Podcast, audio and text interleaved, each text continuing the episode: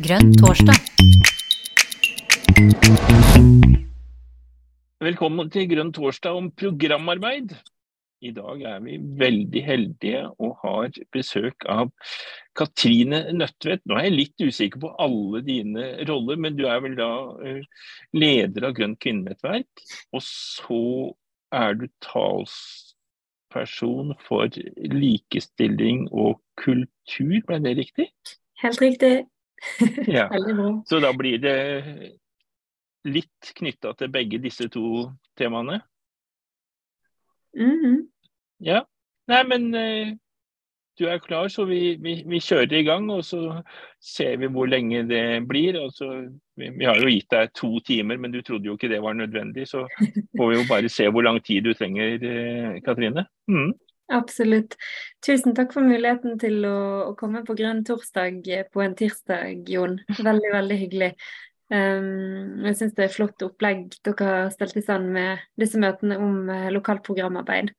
Så jeg har prøvd å forberede meg litt på, um, på konkrete punkter innenfor både kulturpolitikk og um, mangfold, likestilling, uh, antirasisme, eh, alt som faller innunder inn likestillingsfanen eh, politisk sett. Selvfølgelig ikke helt dekkende for alt et lokalprogram kan inneholde, men i alle fall noen ideer uh, som jeg har lyst til å dele. da. Um, delvis fra Grønt kvinnenettverk, som har gjort litt arbeid på dette før og sendt ut til programkomiteer allerede. Um, et dokument med noen ideer, men også basert på litt um, erfaringer fra bergenspolitikken, der jeg har vært lokalpolitiker med ansvar for kultur og likestilling. ja, så da kjører jeg i gang en liten powerpoint.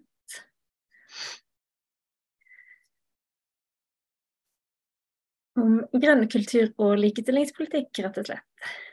Um, for å hoppe rett i det uh, På uh, kulturfeltet så er det jo en del som er litt nysgjerrig på hva grønn kulturpolitikk er, og hvorfor vi bryr oss om det. Og jeg skal ikke holde en lang innledning på det før vi kommer til det konkrete, men kortversjonen for meg i alle fall av hvorfor kulturpolitikk er en naturlig del av det grønne prosjektet, det er jo at eh, kunst, kultur, eh, alle de typene aktiviteter som faller inn under kultur, som binder oss sammen som samfunn, det er jo en helt, helt sentral del av det samfunnet som vi har lyst til å bygge, den fremtiden. Eh, en mer bærekraftig fremtid, en mer kortreist fremtid, en mer nærmiljøbasert fremtid.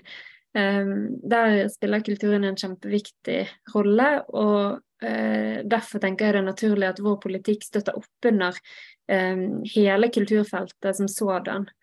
Um, og jeg tenker at grønn kulturpolitikk derfor er nødt til å ha både noe i seg som handler om det profesjonelle feltet, med kunstnere og kulturarbeidere som har det som sin jobb, og som eh, produserer eh, kunst og kultur av en eh, liksom høy kvalitet. Da. Um, og så at vi eh, ser sammenhengen mellom det og i det frivillige kulturlivet, som eh, drives mer på frivillig basis, eh, som man gjerne kaller for amatørkultur, og som også favner tilbud der barn og unge driver med kultur. Um, og selv om jeg har delt de opp i to på en måte i min presentasjon, så eh, tenker jeg at eh, for vår del så er det eh, lurt å se på det som et økosystem da, som vi har lyst til å ta vare på og sørge for at blomstrer i alle eh, fylker og kommuner rundt om i Norge. Um, så eh, et av målene tenker jeg med grønn kulturpolitikk er å legge til rette for eh, kortreist kunst. At vi har både kunst og kunstnere eh, overalt i eh, landet vårt. Um, og Det man da kan gjøre som kommune, tenker jeg, er å ha ordninger der man støtter kunstnerisk aktivitet i kommunen eller fylket. Mange kommuner og fylker har jo det fra før. Um, og så kan man prøve å innrette det på en måte som gjør at mest mulig tilfaller de skapende og utøvende kunstnerne. Uh, kunstnerne er jo en gruppe som eh, har veldig lave inntekter i dag, særlig billedkunstnere.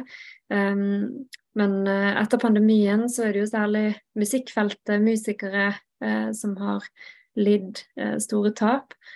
Så det at eh, man gjennom de støtteordningene man har for kulturlivet, prøver å, å gjøre sånn at minst mulig går til til bygg og administrasjon og alt det som er rundt, og mest mulig går til de som faktisk skaper. Det er en god målsetting. Um, og så har jeg lyst til å dele en type ordning som vi har gode erfaringer med i Bergen. Det er å gi tilskudd til kunstnerisk aktivitet i tomme lokaler, uh, gjerne på gateplan.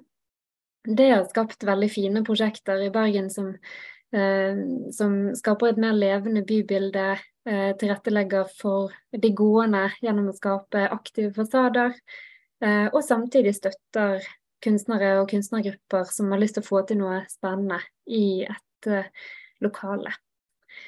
Um, ja. Så er det litt andre ting man kan gjøre som kommune for å støtte opp om kunstfeltet.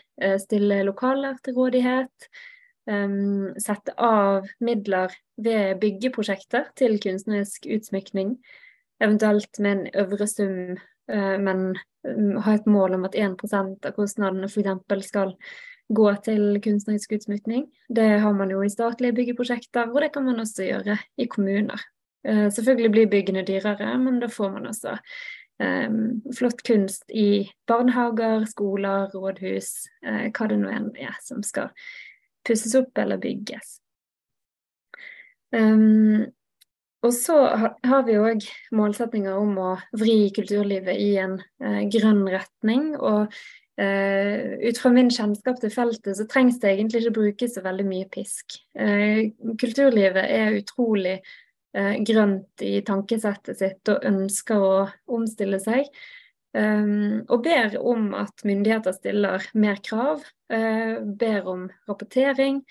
Uh, men også selvfølgelig at vi tilbyr støtteordninger uh, for de kostnadene som det har ved å gå over til bærekraftstiltak eller å få miljøsertifisert seg. Um, og Det kan jo f.eks. være støtteordninger som gjør at festivaler kan betale artister ekstra honorar fordi de tar toget istedenfor fly, og derfor bruker en dag ekstra på reise til arrangementet, f.eks.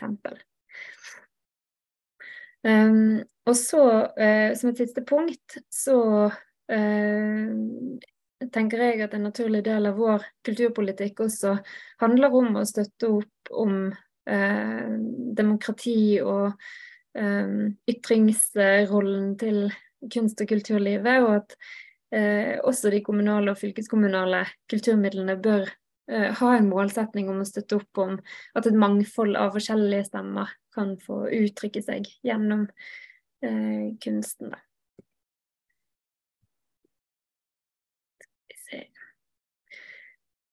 Så eh, over til det frivillige kulturlivet.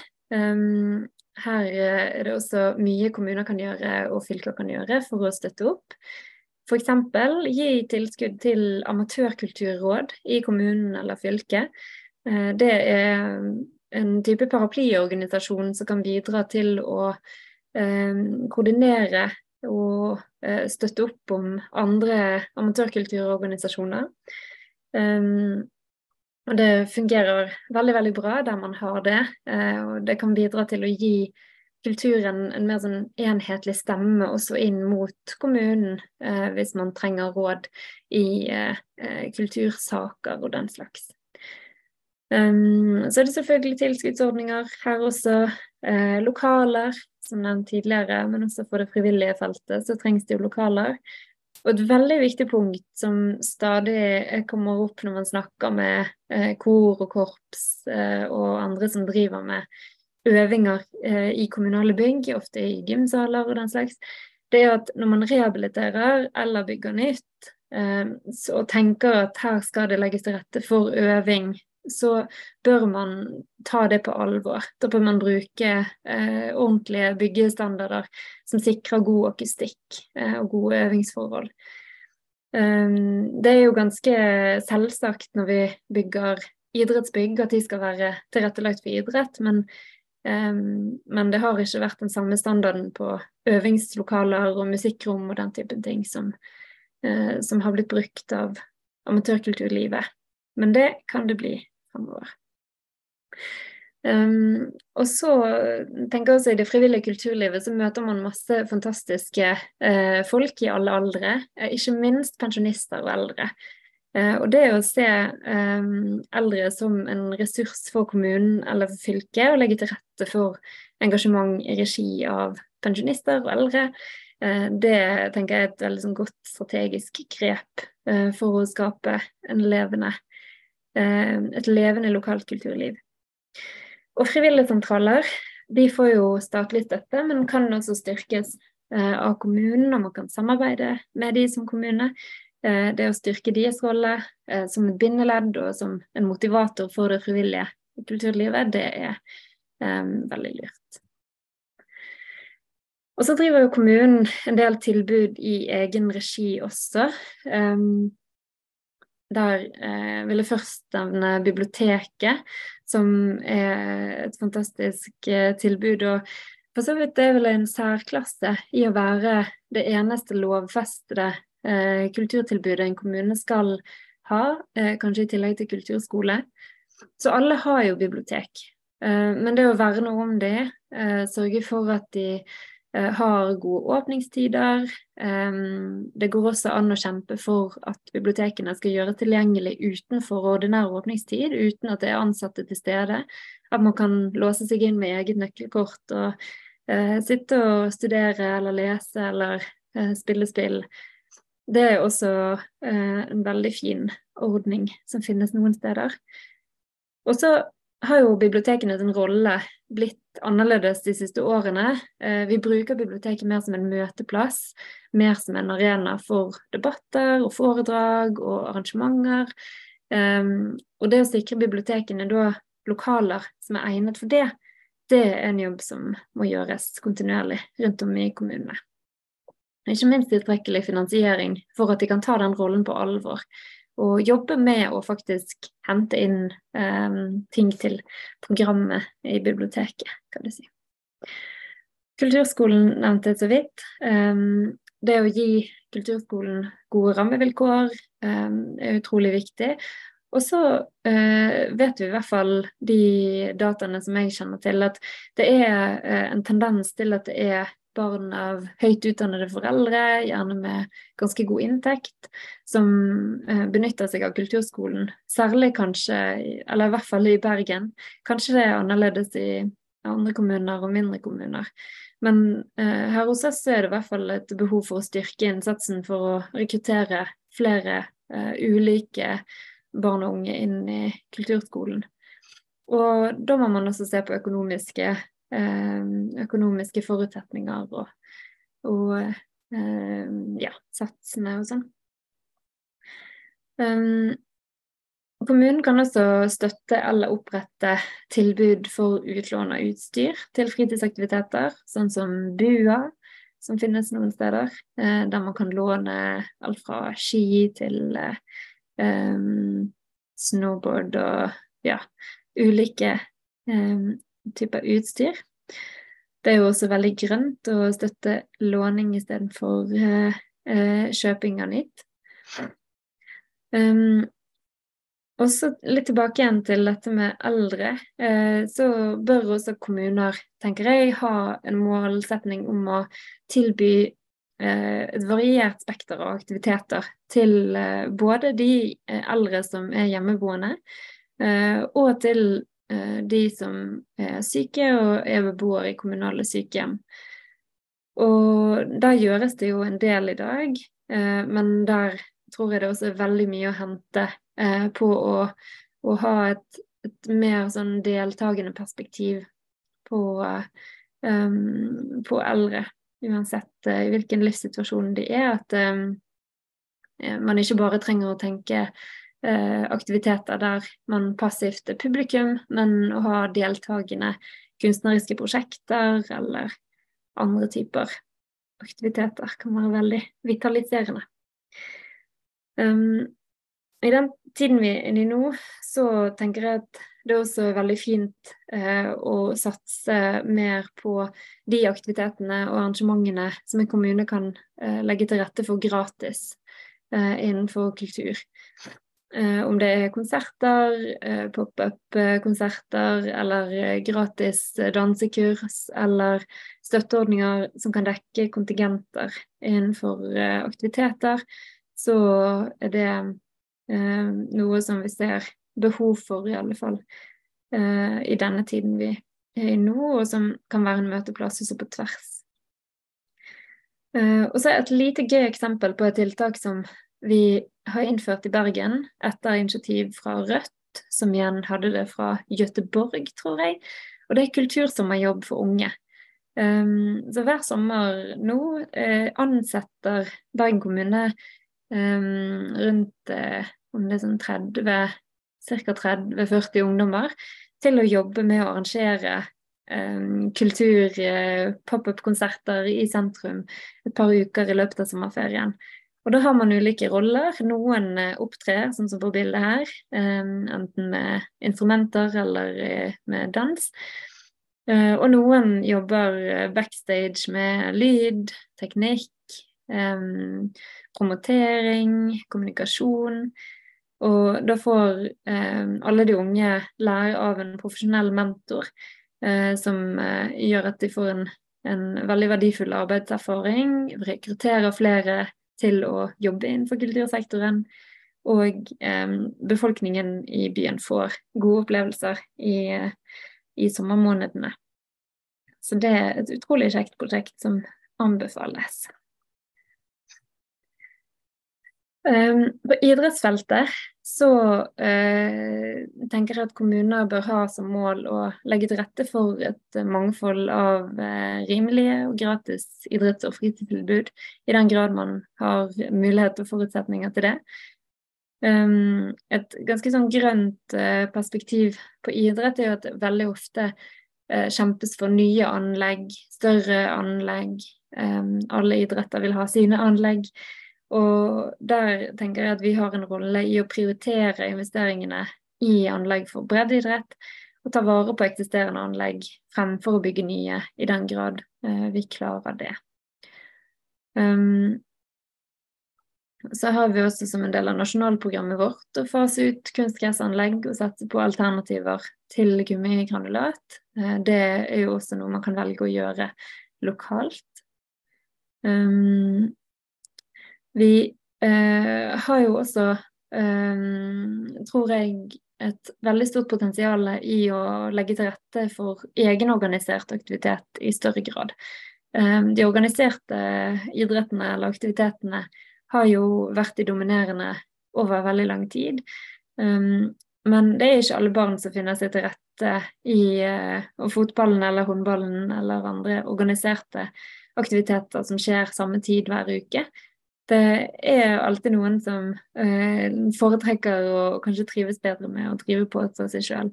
Og det å anerkjenne at det er også verdifull aktivitet, eh, å legge til rette for det i form av åpne haller eller skatehaller eller trampolinehaller eh, eller dager med trampoliner, det kan en kommune gjøre.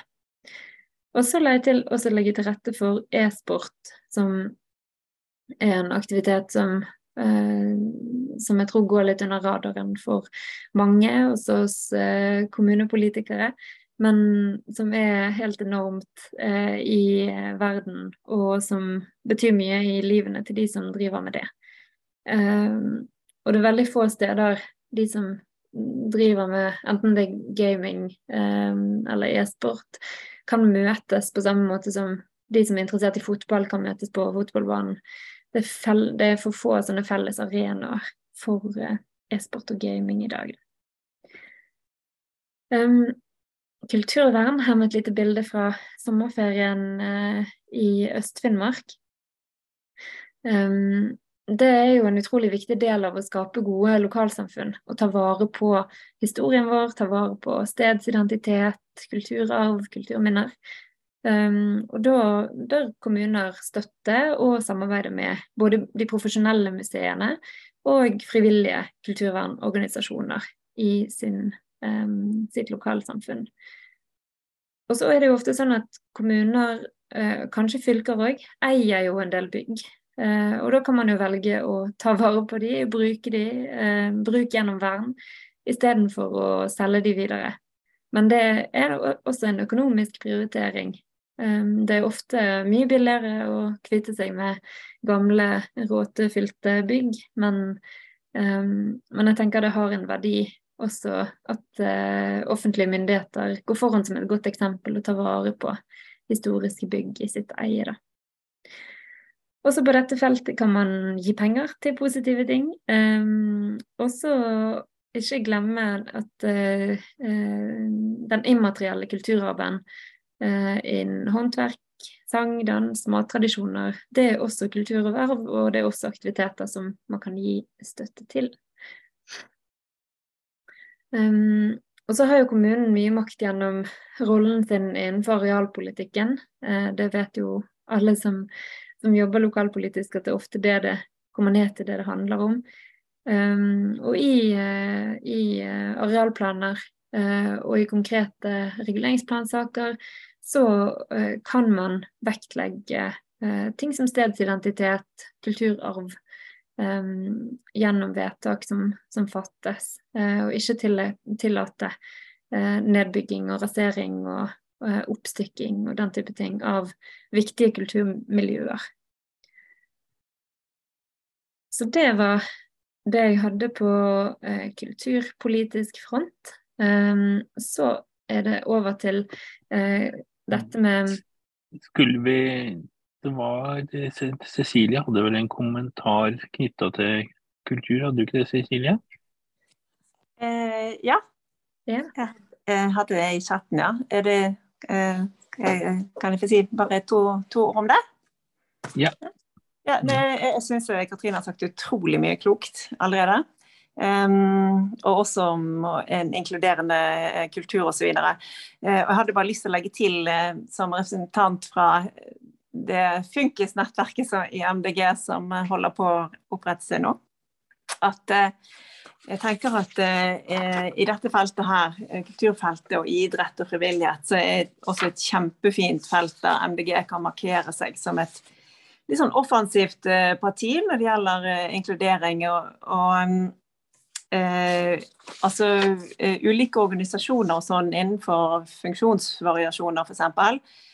Um, har jo både anbefalinger og erfaringer for hva som skal til for å eh, inkludere flere typer mennesker eh, i de eh, si, ordinære aktivitetene som et samfunn gjør eh, på kultur- og idretts- og frivillighetsfeltet. Og, og, det er jo sånn at eh, eh, det er jo krav f.eks. til universell utforming og sånn um, på f.eks. bygg og sånne ting, men, men det er Eh, det er jo mange flere eh, funksjonsvariasjoner vi kan legge til rette for. Og det fins eh, gode kan du si, oppskrifter for hva type tilrettelegging som gjerne MDG kunne være med å ja, flagget, Da. Altså, la oss si f.eks.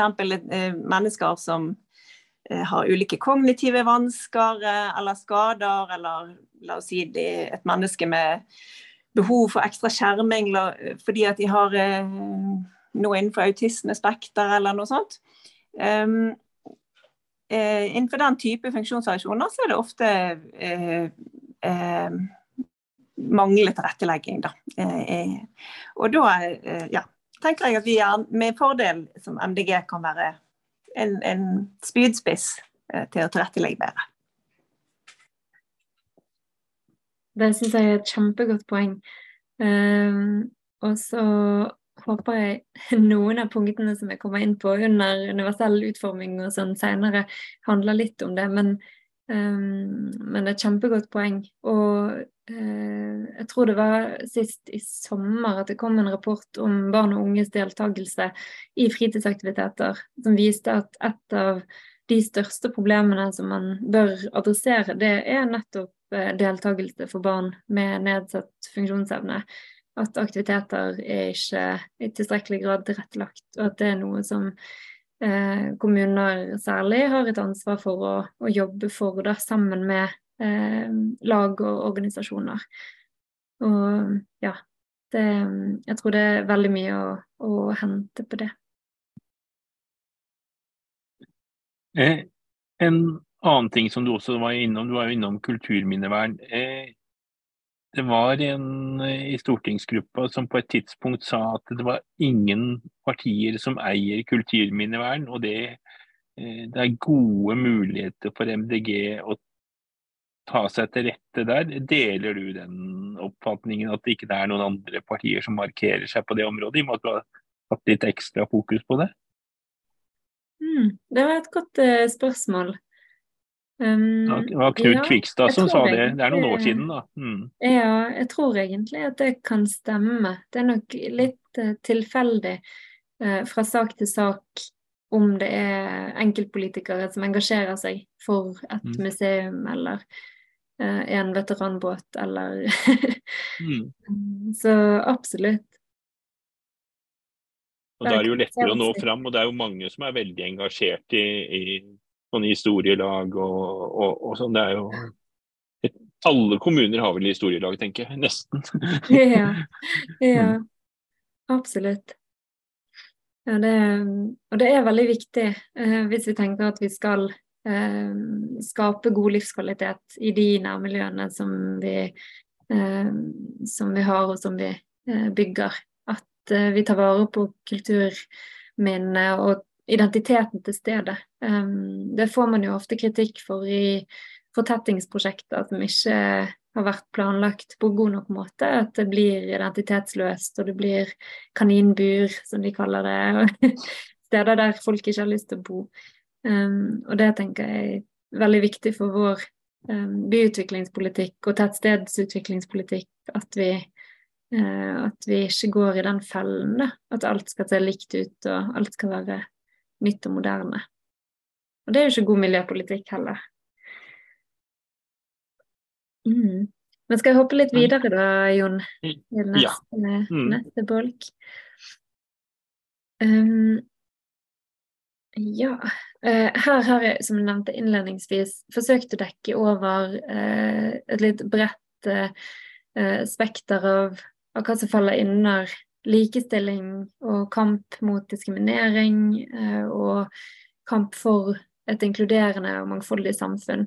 Men um, det er nok uh, alltid uh, vanskelig å dekke hele og fulle bredden i det. Uh, for det er jo så utrolig mye som gjør oss mangfoldige, og det er utrolig mange forskjellige måter um, vi kan på en måte snakke om inkludering på. Eh, så dette er på ingen måte utfyllende, men jeg håper jeg har forklart å dekke eh, en del forskjellige dimensjoner og forskjellige likestillingsutfordringer som man kan jobbe med i kommunepolitikken. Eh, den første jeg har lyst til å trekke frem, er nettopp det vi var inne på i sted, med likestilling uavhengig av funksjonsvariasjon. Det er jo sånn at det å eh, ha nedsatt funksjonsevne er noe som jeg tror omtrent 15% av befolkningen eh, eh, opplever. Og det, det får Cecilie korrigere meg hvis ikke det stemmer, men det er jo veldig mange blant oss som har en eller annen form for nedsatt funksjonsevne. Eh, noen opplever jo det også i løpet av livet at eh, eh, det kan variere. Um, og det med universell utforming er også et begrep som jeg tror er ganske mye bredere og favner mye mer enn det de fleste vet. Det handler ikke bare om at det skal være ramper eh, som gjør bygg tilgjengelig for rullestoler, men universell utforming kan også handle om at det er tilgjengelig eh, teleslynge for de med nedsatt hørsel. Eh, det handler om at eh, det skal være mulig å finne frem eh, for de med nedsatt eh, syn. Um, og så er det jo også veldig viktig som en del av universell utforming at um, brukerne av tilbudet kan uh, finne ut informasjon om hvordan utformingen er på forhånd, at man ikke trenger å møte opp et sted. Uh, og så finner man ut at her er det ikke tilrettelagt for at jeg kan delta eller komme inn. Um, ja, Så som Cecilie nevnte, det er utrolig masse gode eh, standarder og tips og retningslinjer og innspill å hente fra um, organisasjoner som jobber med denne tematikken. Um, her er i alle fall noen punkter som jeg tenker man kan, um, man kan ha som utgangspunkt for uh, lokal programutvikling. for å se helhetlig på feltet, så kan man jo foreslå at kommunen bør utarbeide en plan for universell utforming i fylket eller i kommunen. Um, man kan vedta som målsetting at man vil sikre universell utforming av kommunale bygg, nettsider, arrangementer og tjenester, inkludert kollektivtransporten. Um, også for å få med seg andre aktører enn kommunen, så går det jo an å opprette tilskuddsordninger uh, som kulturhus eller serveringssteder eller andre viktige uh, lokaler i Eh, by eller bygd eller på stedet, kan søke på for å, eh, for å forbedre tilgjengeligheten for alle. Eh, og så dette med å samarbeide med lag og organisasjoner om å gjøre fritidsaktiviteter tilgjengelig for alle. Utrolig mye og viktig arbeid. Det jeg glemte å nevne i sted, var også at når Ytringsfrihetskommisjonen la fram sin rapport i, tidligere i år, så var jo også et av hovedpunktene at personer med, med, med eh, funksjonsnedsettelser er eh, altfor lite representert og til stede. Eh, og samfunnsdebatten er ikke tilgjengelig for alle på samme måte. Um, så det er jo også et uh, punkt som liksom underbygger viktigheten av å, å tilrettelegge mer for deltakelse, faktisk for alle. Um, ja, og i vårt nasjonale program så ønsker vi at, um, at norsk lov skal, uh, skal inkorporere CRPD um, og uh, ta dette inn som en del av det menneskerettslige, uh, menneskerettslige lovverket i Norge. Um, og det er jo noe som man kan bruke som rettesnor også i kommunepolitikken. at man jobber for at Eh, folk med funksjonsvariasjoner får alle sine rettigheter eh, ivaretatt, blant annet. Eh, det å sjøl kunne bestemme hvor man skal bo, og gjennom å um, sikre tilgang på BPA, altså um, det Noen sier borgerstyrt personlig assistent, noen sier brukerstyrt personlig assistent. Men i alle fall um, et, eh, en type tilbud som gjør at eh, alle innbyggere, uavhengig av funksjonsvariasjon, kan leve selvstendige og frie liv. Det er jo en ordning som vi nasjonalt eh, mener vel at, eh, at, staten burde overta ordningen, i alle fall at det burde vurderes veldig sterkt. Eh, I dag er det kommunene som har ansvar for den, eh, og da bør kommunene gjøre sitt beste for å og eh, forvalte den eh, på best mulig måte i henhold til målsetningene om eh, likestilling. Men der kjemper vi jo også nasjonalt for en, en endring i hvordan den er innrettet og finansiert. Um, så eh, tenker jeg på dette med transport, så er det utrolig viktig at vi, eh, når vi fører en Eh, i alle fall i, i tettbygde strøk, fører en ganske restriktiv bilpolitikk, så skal vi være tydelige på at vi eh, forstår, vi vet at eh, noen trenger faktisk bil eh, for å komme seg rundt. Eh, og vi skal ikke fjerne HC-parkering eh, på samme måte som vi fjerner annen parkering i gatene våre. Um, vi ønsker jo også at det skal bli lettere å få HC-kort, at flere skal kunne få det. Um, jeg er litt usikker på om man klarer å gjøre noe med det lokalt, men man kan jo i alle fall forsøke i sin kommune um, å myke opp retningslinjene for hvem som kan få det. Innenfor det handlingsrommet som finnes ut fra nasjonale regler. Um, hopper litt videre her. Uh, kjønns- og seksualitetsmangfold eh, og relasjonsmangfold, har vi også, eh, er jo eh, også et, et, tema som man kan gjøre veldig mye viktig og fint arbeid med i kommuner og i fylker. Um, mange skeive organisasjoner har lokallag og lokale foreninger rundt om i landet. Uh, og de driver et utrolig viktig arbeid med uh, både å spre kunnskap og informasjon, uh, og å være en møteplass for, for skeive der de hører til.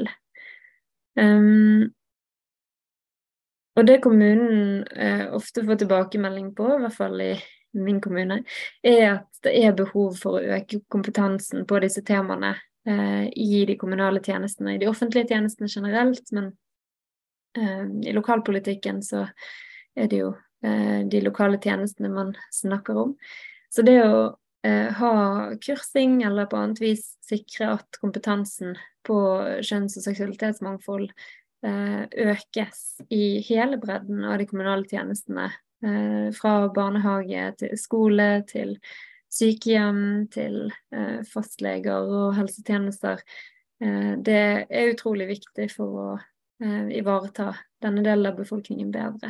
Og vi vet jo at særlig bifile og transpersoner har reduserte levekår og, og scorer dårligere enn um, en lesbiske og homofile, og dårligere enn en heterofile på, um, på en del sånn levekårsundersøkelser.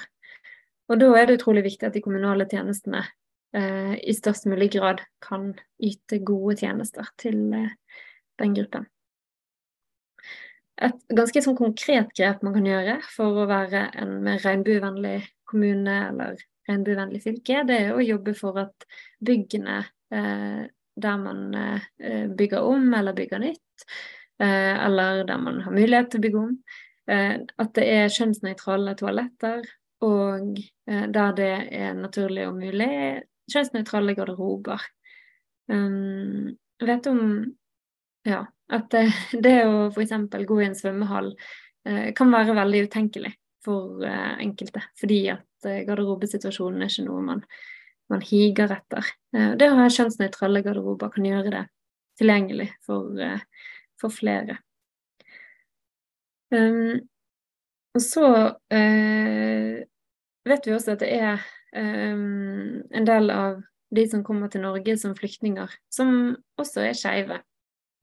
Og uh, de har noen særlige utfordringer uh, i og med at de ofte lever skjult overfor det miljøet eller de eh, andre flyktningene eller personene i sitt nærmiljø med samme landbakgrunn, samme språkbakgrunn, samme religion. Um, men samtidig så uh, kjenner de seg ikke ennå hjemme i uh, det norske majoritetssamfunnet. Uh, og den dobbeltdiskrimineringen der kan være veldig, veldig vanskelig å stå i og veldig skadelig. Um, det man kan gjøre som kommune da, er jo, hvis man er en kommune som tar imot flyktninger, det er at eh, sikre at introduksjonsprogrammet for flyktninger har eh, informasjon, har god undervisning om dette med kjønns- og seksualitetsmangfold, om eh, lovverket i Norge, eh, om at det er lov for menn å kysse menn på gaten. Um, det er ikke forbudt med homofili. Eh, og det er ikke noe som skal eh, stigmatiseres eller diskrimineres.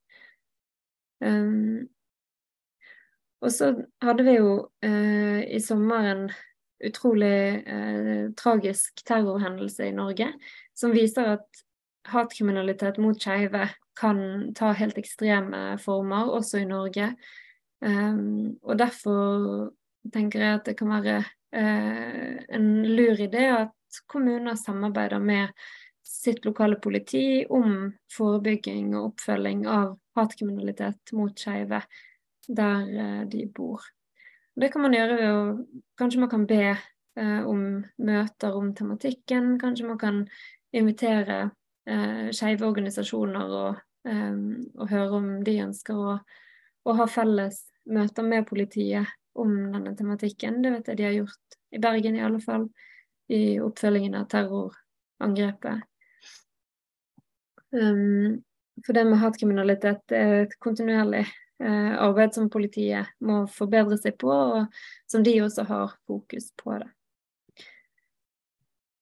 Um, så over til uh, en annen form for, uh, for, mangfold og for diskriminering som man kan uh, utsettes for. Det er jo diskriminering basert på enten hudfarge, etnisitet. Um, noen definerer også diskriminering basert på religion uh, og kulturell bakgrunn, som rasisme. Uh, jeg tenker i hvert fall alle den typen um, diskriminering faller litt innunder rasismebegrepet. Um, hvis man ønsker å bli en antirasistisk kommune, så er jo det første man kan gjøre å foreslå en handlingsplan mot rasisme i kommunene. Det er det en del kommuner som har, og som jobber med. Så der går det an å finne god inspirasjon rundt omkring. Men også på dette feltet så er kompetanseheving veldig viktig. Um, og der har jeg lyst til å trekke fram uh, et uh, tiltak som er ganske konkret, men også ganske omfattende. Uh, og det er Dembra. Dembra er et um, opplegg, eller en samlebetegnelse for litt forskjellige opplegg. Men i fullskalaversjonen så er det et eh, slags videreutdanningsopplegg for lærere. Ikke for elever, men for lærere på skoler eh, rundt om i landet. Som tilbys av eh, freds- og menneskerettighetssentre rundt om forskjellige, i forskjellige regioner. Eh, så I Kristiansand er det Arkivet, eh, tror jeg, som driver det. I Bergen er det Rafto-stiftelsen. Um, og det opplegget er gratis for skoler å delta på, eh, og går over vel ett eller to år. Eh, der lærerne får trent seg på eh, hvordan man snakker om og underviser rundt vanskelige temaer som handler om gruppebaserte fordommer, diskriminering, demokrati og den typen problemstillinger. Og Det å ha som mål at alle skoler skal gjennom det for sin kommune, eh, det vet jeg at Askøy kommune har f.eks. Det går det jo an å sette som mål. Eller at man i alle fall tilbyr det til alle skoler, om man ikke har lyst til å overstyre, sånn at alle har lyst til å gjøre det. Um, når man snakker også om rasisme, uh, så har jeg i hvert fall opplevd at veldig mange av organisasjonene som jobber med personer med minoritetsbakgrunn, er veldig opptatt av arbeidsliv. Og at arbeidslivsdiskriminering er en av de største utfordringene eh, innenfor eh, eh rasistisk diskriminering i Norge. Um, og det kan være alt fra eh, Det er ikke bare i lavtlønnsyrker f.eks. at det skjer uh, diskriminering. Det er i alle typer yrker, det er med alle typer personer med alle typer bakgrunner. Ehm, det forekommer både med eh, de som har innvandret til Norge sjøl, og personer som har minoritetsbakgrunn, men er født i Norge og snakker eh, norsk som sitt morsmål. Eh, så det er et utrolig viktig tema å adressere, og det er en nøtt som jeg tror ingen har klart å helt knekke. Men noe som kanskje kan fungere, som kommuner iallfall kan jobber med, det er jo å opprette, eller medvirke til eh, å opprette mentorordninger. Um, jeg har også hørt eh, at det går an å ha omvendte mentorordninger, der eh, en leder f.eks. i kommunen eh, får en mentor med en type minoritetsbakgrunn som eh, kan gi et helt annet perspektiv og andre erfaringer til den lederen, og forhåpentligvis bidra til at den lederen blir en bedre mangfoldsleder. Men eh, mentorordninger rettet mot personer med flerkulturell bakgrunn, eh, eller man kan ha andre ordninger som prøver å koble personer som blir utsatt for rasisme i arbeidslivet, med relevante arbeidsgivere. Eh, det eh, tenker jeg at kommuner kan, eh, og fylker kan eh, gjøre. Um, og så vet vi at for at uh, kommunen sjøl skal bli en mer mangfoldig um, arbeidsgiver, uh, så bør man ha tydelige mål for mangfoldsledelse internt i kommunen. Man bør på en måte sette det på agendaen på toppen av organisasjonen. og så må det jo jobbes ut i alle deler av organisasjonen. Og det er kanskje mer Det er nok mer eh, mangfold i noen av tjenestene bare av seg sjøl, kanskje i helsetjenestene, i barnehagesektoren. Um, men man trenger kanskje mer fokus for å få opp andelen eh, ledere i kommuner eh, med innvandrerbakgrunn, f.eks. Um, ja, og så kan man jo også samarbeide med næringslivet. Um, følge opp flyktninger som er i praksis uh, og nyansatt. Um, og forsøke å samarbeide om arbeidslivsinkludering av flyktninger som gruppe. kommunen bør også sikre at offentlig informasjon er tilgjengelig på flere språk. Og det tenker jeg vi også, Når vi først har programkomitémøte, eh, holder på å si, programmøte, så er det også et punkt som vi bør vurdere eh, hvis du bor i en kommune eller et fylke der det er en høy innvandrerandel, eh, så er det jo ganske mange innvandrere som har stemmerett i lokalvalg. Og det å oversette programmet til engelsk, f.eks. Eh, det kan jo også være en kjempeidé for å inkludere flere i eh, lokalpolitikken og i vårt parti. Så lite tips der også til utformingen av programmet. Um, ja uh, Morsmålsundervisning er uh, viktig for identitet og for eh, språkutvikling.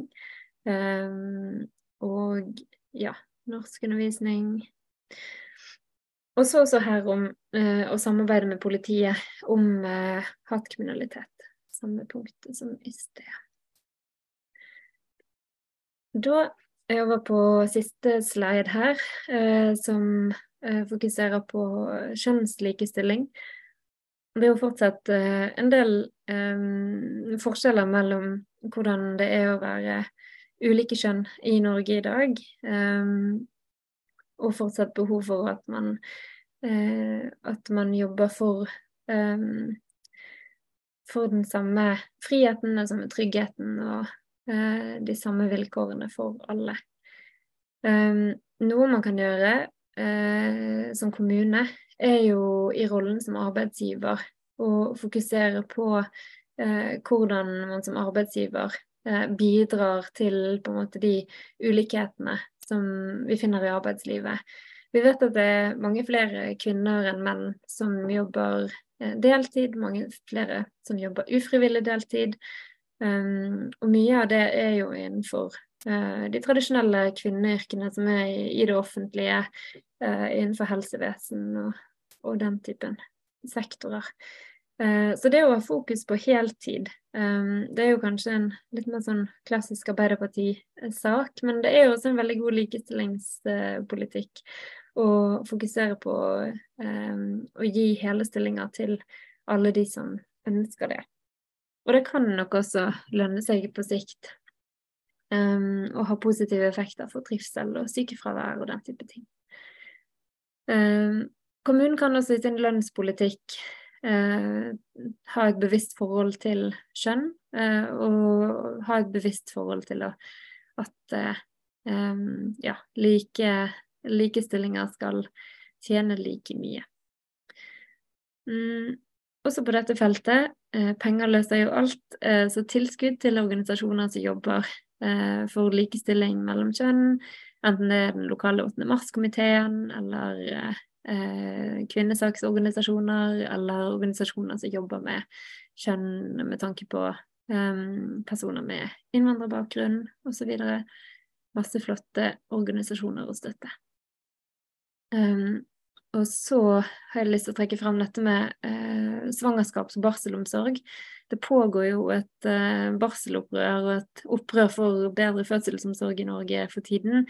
Og kommunene har også en viktig rolle i dette gjennom eh, tjenestene som de leverer på helsestasjoner, eh, jordmortjenesten, oppfølgingen etter fødsel. Det vet vi at er veldig variabelt rundt om i kommunene. Det finnes retningslinjer Eh, på det, men som dessverre ikke eh, oppfylles mange steder.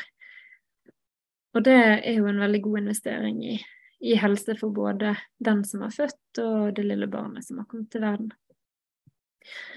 Um, og så hadde jeg også lyst til å nevne under denne overskriften eh, at det å ha en skole og ha undervisningsopplegg som treffer elever som ikke finner seg til rette i ordinær undervisning, det tenker jeg er et godt likestillingstiltak med tanke på eh, de bekymringsfulle tallene vi ser for eh, gutter som ikke eh, fullfører eh, skolen, som dropper ut, eh, og gutter som mistrives i eh, skolen sånn som den er i dag. Det er selvfølgelig ikke bare gutter som gjør det, men, men det finnes en del, en del opplegg og ja, målrettede tiltak um, som retter seg inn mot, mot, gutter som ikke trives i skolen sånn som den, sånn som den er for alle. Og det tenker jeg er um, noe som kommuner kan sette fokus på og støtte opp om og tilrettelegge for. Um, og når vi snakker om kjønn, så er det også naturlig å snakke om, uh, om kjønnsbasert vold. Um, det er jo dessverre sånn at uh, at eh, partnervold, i alle fall i alvorlig eh, De groveste tilfellene av partnervold rammer jo som oftest kvinner. Og det å sikre et godt og tilgjengelig krisesentertilbud for kvinner, men også for, for menn og for um, egentlig alle kjønn, enten det er mann eller kvinne eller noe annet man identifiserer seg som, det eh, må kommunen eh, sikre. Eh, det er kjempeviktig å sette fokus på. Um, det har også vært oppe en del i nyere tid at kommunene har plikt til å også ta imot personer i aktiv rus som har blitt utsatt for vold, og som trenger et krisesentertilbud. For det er ikke alltid tilgjengelig. Man har tidligere opplevd at disse personene ja, blir ikke møtt med et tilbud som Eh, som kan ivareta de. Men, eh, men, dette kan jo være personer som er blant de aller, aller mest sårbare blant oss. Eh, om man er i rusmiljøet og blir utsatt for vold og utnyttelse. Det er mennesker som vi må sørge for at vi klarer å ta vare på rundt om i, i landet. Ja.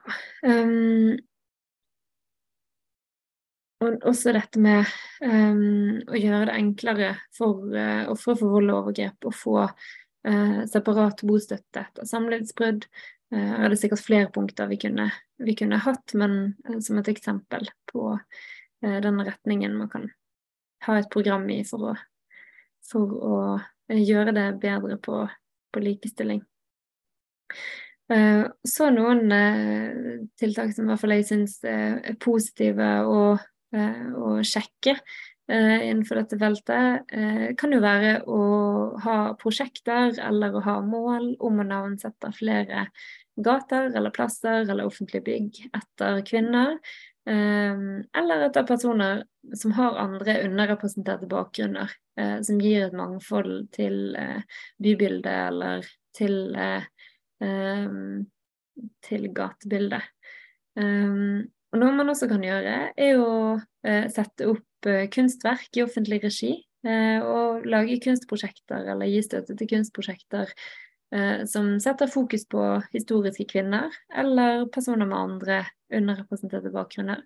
For det er en del menn på sokkel rundt omkring, men ikke like mange I hvert fall ikke like mange navngitte kvinner. Og det det er også noe som man kan, eh, kan få til lokalt, da, gjennom enkeltprosjekter eller som satsinger over tid. Da har jeg vært gjennom mye forskjellig, og det var det siste jeg hadde. Så vet jeg ikke om det er noen eh, spørsmål, men jeg har i hvert fall vært gjennom, vært gjennom det jeg hadde forberedt.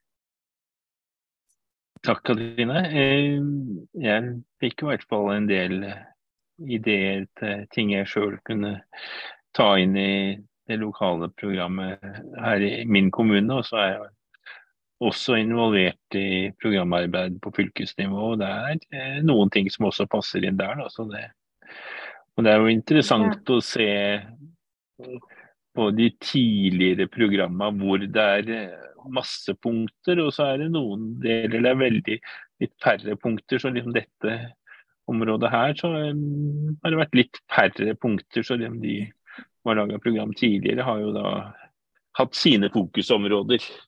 Og det er jo også sånn at partiet har eh, vi tiltrekker oss jo en type folk som f.eks. skole. Det er, det er, veldig mange lærere, og det er veldig tydelig når jeg ser på programpunkter knytta til skole. Det er liksom, ja, så Nei, det er eh, Men vi har jo faktisk eh, fra på en måte røttene våre um, så var jo, i hvert fall sånn jeg har fått det fortalt fra Birte Simonsen, en av uh, våre medstiftere og partiet, så uh, var jo det fokuset på likeverd og likestilling, begge de to mm. verdiene, uh, var jo litt av grunnen til at vi ble et politisk parti i det hele tatt. At ikke vi bare var mm. med i en miljøorganisasjon eller miljøbevegelsen eller Fremtiden i våre hender. Det at vi skulle sette fokus på likestilling og like rettigheter og likeverd mellom mennesker, det var sammen med fred. Eh, så var det liksom de ekstra tingene som gjorde at ja, vi trenger faktisk å være et politisk parti. Så det mm. syns jeg er litt sånn artig, artig partihistorie å ha med seg. Mm.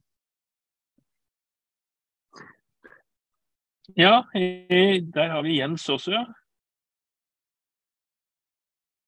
Har, har, du fått noen tips til programmet i Arendal, Jens? Ja, jeg syns det var veldig, veldig, interessant å høre på. Jeg har notert ned egentlig veldig mye her. Ja, nå har vi et utkast allerede, men jeg tenker at det er mye, er mye greit innspill. Ja. Og så er det mye som på en måte man kan på en måte Eh, siden sist så kan man på en måte stryke for det er noe som er på en måte gjort. Og det er på en måte positivt det også at, at eh, man har mye i kommunen. Um, ja, så det, og det der å tenke sant, på sant, kulturtilbud for barn og unge, og, og at ikke sant, litt, litt vekk fra breddeidretten. At tenke på at det er mange interesser, sant, som e-sport, men også sant, litt, litt med den streetdans, eh, parkour. Eh, og, og, nå er det eh, nå, nå, blir på en måte en sånn pilotkommune i, med det game, game, uh, game House Norge som er som, blir, som, er på en måte noe basert fra Danmark. Så det er veldig sånn, inspirerende å se at det kommer på Vi håper at det kan komme noe overalt i alle kommuner. Så, så det, men at uh, ja, så at hvis det, hvis det, er noen som ønsker å høre litt mer om det, så har jeg kontaktperson til, ja, til, uh, til initiativtaker som på en måte jobber med dette der. Så han vet at, at, jeg på en måte kan han, han, har sagt at jeg måtte bare si fra til, til partikolleger rundt omkring kommuner. Så, så han er klar for å høre fra dere. Mm, spennende. Mm. Eh, Cecilie, hadde du noe du hadde lyst til å spørre om, formidle? Mm. Ja, og jeg òg hadde bare en liten kommentar eh, til slutt. Jeg, først må jeg bare si tusen takk for presentasjonen. Jeg, jeg, jeg liker så godt at du um, nettopp trekker fram dette her med den helhetlige eh, tenkemåten og eh, Eh, at du har liksom gått gjennom et bredt spekter av, av, saker når du snakker om likestilling. Og, uh, og interessant òg det du sa om, um, om disse her, den tidlige, tidlige MDG-ene og dette med likeverd og likestilling som prinsipp osv. Eh, og jeg tenker jo at nettopp eh, det Skolepolitikk var jo en av de tingene du kom inn på under kjønnslikestilling på slutten her, f.eks. Um, og jeg tenker at Eh, det der å, å virkelig eh, ja, jobbe med, med, forståelsen av at det å f.eks. ha god tilrettelagt undervisning, sånn som du var inne på der, sant? både for det kan være sant, for de elevene som pga. Altså, som kanskje er overrepresentert på ett kjønn, la oss si f.eks. gutter, da. Eh, eller om det er funksjonsvariasjoner eller økonomi eller hva det er for noe. Um, så da kan, da kan, det på en måte skolepolitikk være et godt likestillingstiltak. Uh, så sånn at, at likestilling går inn i alle områder. Uh, og at å ha et helhetlig, helhetlig, perspektiv på det, det tror jeg virkelig at MDG er et godt parti på å fremme den forståelsen um, på alle, på alle, områdene. Altså vi har, ideelt sett skulle vi jo ikke trengt en likestillingspolitikk, sant? Men det, men det trenger vi. Um, men jeg, jeg syns jeg, jeg tenker, også tenker jeg ofte det at det slo meg når du nevnte nettopp skolepolitikk under kjønnslikestilling, at det som er godt for én liten gruppe, er ofte godt for veldig mange grupper. Mm. Og, det, og, det, det, ja, og det, er jo, det, er jo, det som er det der samfunnet for alle. Altså Når vi klarer å tilrettelegge for de som er litt utenfor, så, legger, så vinner stort sett alle på det. Det var et fint historie, syns jeg.